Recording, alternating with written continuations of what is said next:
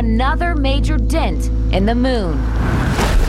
In het begin van dit jaar ging er een gerucht rond dat er een rakettrap van de firma SpaceX de pletter zou slaan op de maan. After years of going around in circles, a wayward rocket likely just collided with the moon. Degene aan wie wij dit gerucht te danken hadden was astronoom Bill Gray.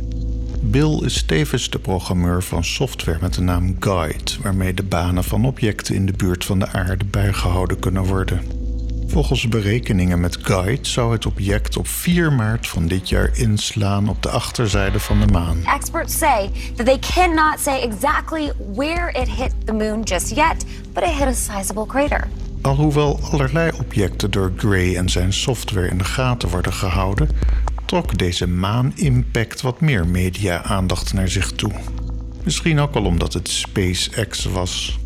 Of omdat die impact op de maan ons eraan herinnert hoe we niet alleen op aarde, maar ook daarbuiten onze troep dumpen. Wie zal het zeggen? De gemiddelde Netflix-kijkende, enigszins luie salonastronoom ziet een nieuwsbericht in haar of zijn Twitter-feed of op CNN of zo en denkt: Ach, dat is interessant. Absolutely amazing. Maar achter zo'n simpel nieuwsbericht gaat een heel leger van professionele en amateurastronomen schuil. Alleen al voor deze maan-impact maakte Gray gebruik van waarnemingen van amateurastronomen uit Italië, het Verenigd Koninkrijk, Frankrijk, de Verenigde Staten, etc. Zij voerden hun waarnemingen in in andere software van Gray genaamd Find Orb. Zoals de naam al doet vermoeden, berekent deze software de baan, de orbit van een object op basis van waarnemingen. U kunt er desgewenst ook gratis gebruik van maken en uw waarnemingen invoeren in het MPC 80 kolommen observation format. Tuurlijk. Gray, die zichzelf met name een mathematische astronoom noemt, is dus ook zeer afhankelijk van de waarnemingen van anderen om uitspraken te doen over mogelijke dreigingen van near-Earth objects. There's no doubt a comet or a meteor. Op 12 februari van dit jaar kreeg Gray een e-mail van John Giorgini van NASA's Jet Propulsion Laboratory. Hier houden ze bij waar ruimtevaartuigen rondhangen in ons zonnestelsel. Giorgini meende dat Gray zich vergiste voor wat betreft het object dat tegen de maan zou gaan knallen. Want Gray had het geïdentificeerd als 2015-007b, de tweede trap van de Falcon 9-raket die het Deep Space Climate Observatory naar het L1 Lagrange-punt bracht. Deze klimaatsatelliet, Discover genaamd, is op dit moment nog steeds actief. Giorgini zei dat Gray's object waarschijnlijk niet die tweede trap was, omdat de Discover en de raket waarmee deze in 2015 werd gelanceerd niet erg dicht in de buurt van de maan waren geweest. Dus Gray dook opnieuw in de waarnemingen om te kijken wat het object dan wel zou zijn. Well, let's see now. Het was een vrij helder object, dus dat deed vermoeden dat het redelijk recent gelanceerd zou moeten zijn. Waarom? Anders had iemand het wel eerder waargenomen, was de gedachte. Oké. Het beste kandidaatobject bleek een Chinese rakettrap te zijn en wel van de op 23 oktober 2014 gelanceerde Chang'e 5T1-missie. Gray rekende terug met de data die hij had en concludeerde dat een en ander inderdaad in China gelanceerd zou kunnen zijn.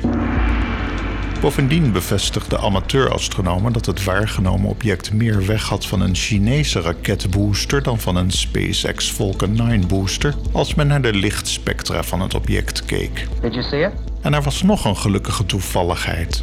Aan de Chinese rakettrap zat een Europees instrument, de Manfred Memorial Moon Mission of 4M.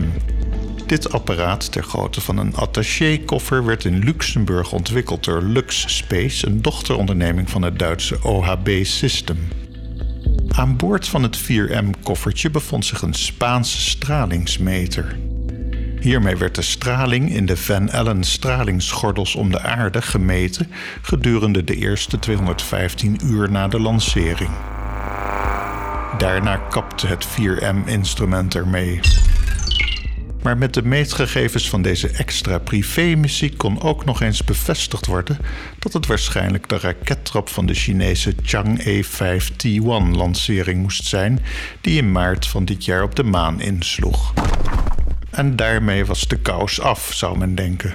Maar er blijven drie raadsels over. Raadsel 1.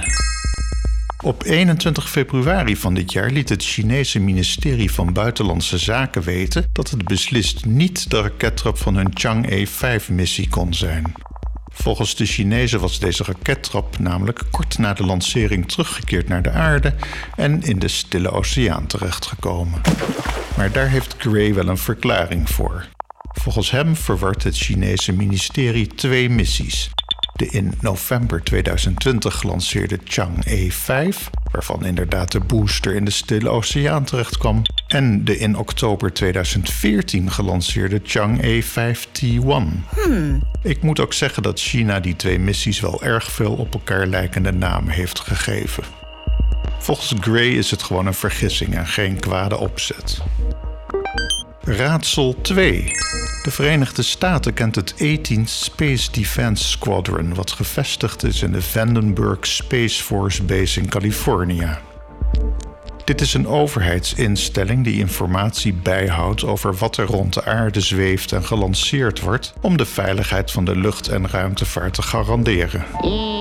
En dan met name die van de Verenigde Staten natuurlijk. Hier werd gezegd dat de booster van de Chang'e 5T1 in oktober 2015 teruggekeerd was in de aardatmosfeer. Maar ook hier twijfelt Gray aan, want volgens hem was dit de uitkomst van een veel te grove voorspelling. Hij kon ook geen gegevens vinden waaruit bleek dat de 18th Space Defense Squadron actief de baan van het object had bijgehouden. Later zou major Anne-Marie Anicelli van de 18th Space Defense Squadron publiekelijk hebben toegegeven dat de Chang'e 5T1 booster inderdaad niet in de aardatmosfeer terecht zou zijn gekomen. Ze kon echter niet bevestigen dat dit het object was dat daadwerkelijk in maart van dit jaar op de maan terecht zou zijn gekomen. En dan blijven we nog zitten met raadsel 3. Want op 25 mei van dit jaar werd de impact op de achterzijde van de maan gevonden op de foto's van het om de maan cirkelende LRO-ruimtevaartuig. LRO staat voor Lunar Reconnaissance Orbiter. Dit in 2009 gelanceerde Amerikaanse ruimtevaartuig is al 13 jaar actief bezig met het fotograferen van onze maan. Op de foto's van de LRO zien we heel mooi hoe het maanoppervlak er voor en na de impact uitziet. Het enige raadselachtige is dat er twee overlappende kraters zijn ontstaan.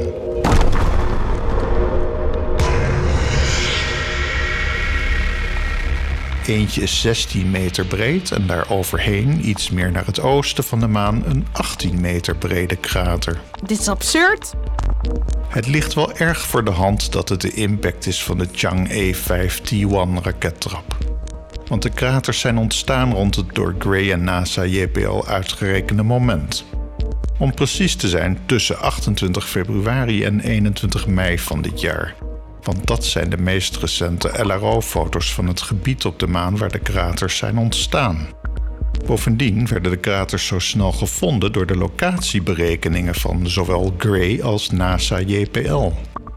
De kraters bevinden zich 8 kilometer van het punt dat door JPL werd uitgerekend en 16 kilometer van het punt dat door Gray werd uitgerekend. Wat wat mij betreft nog verrassend dichtbij is.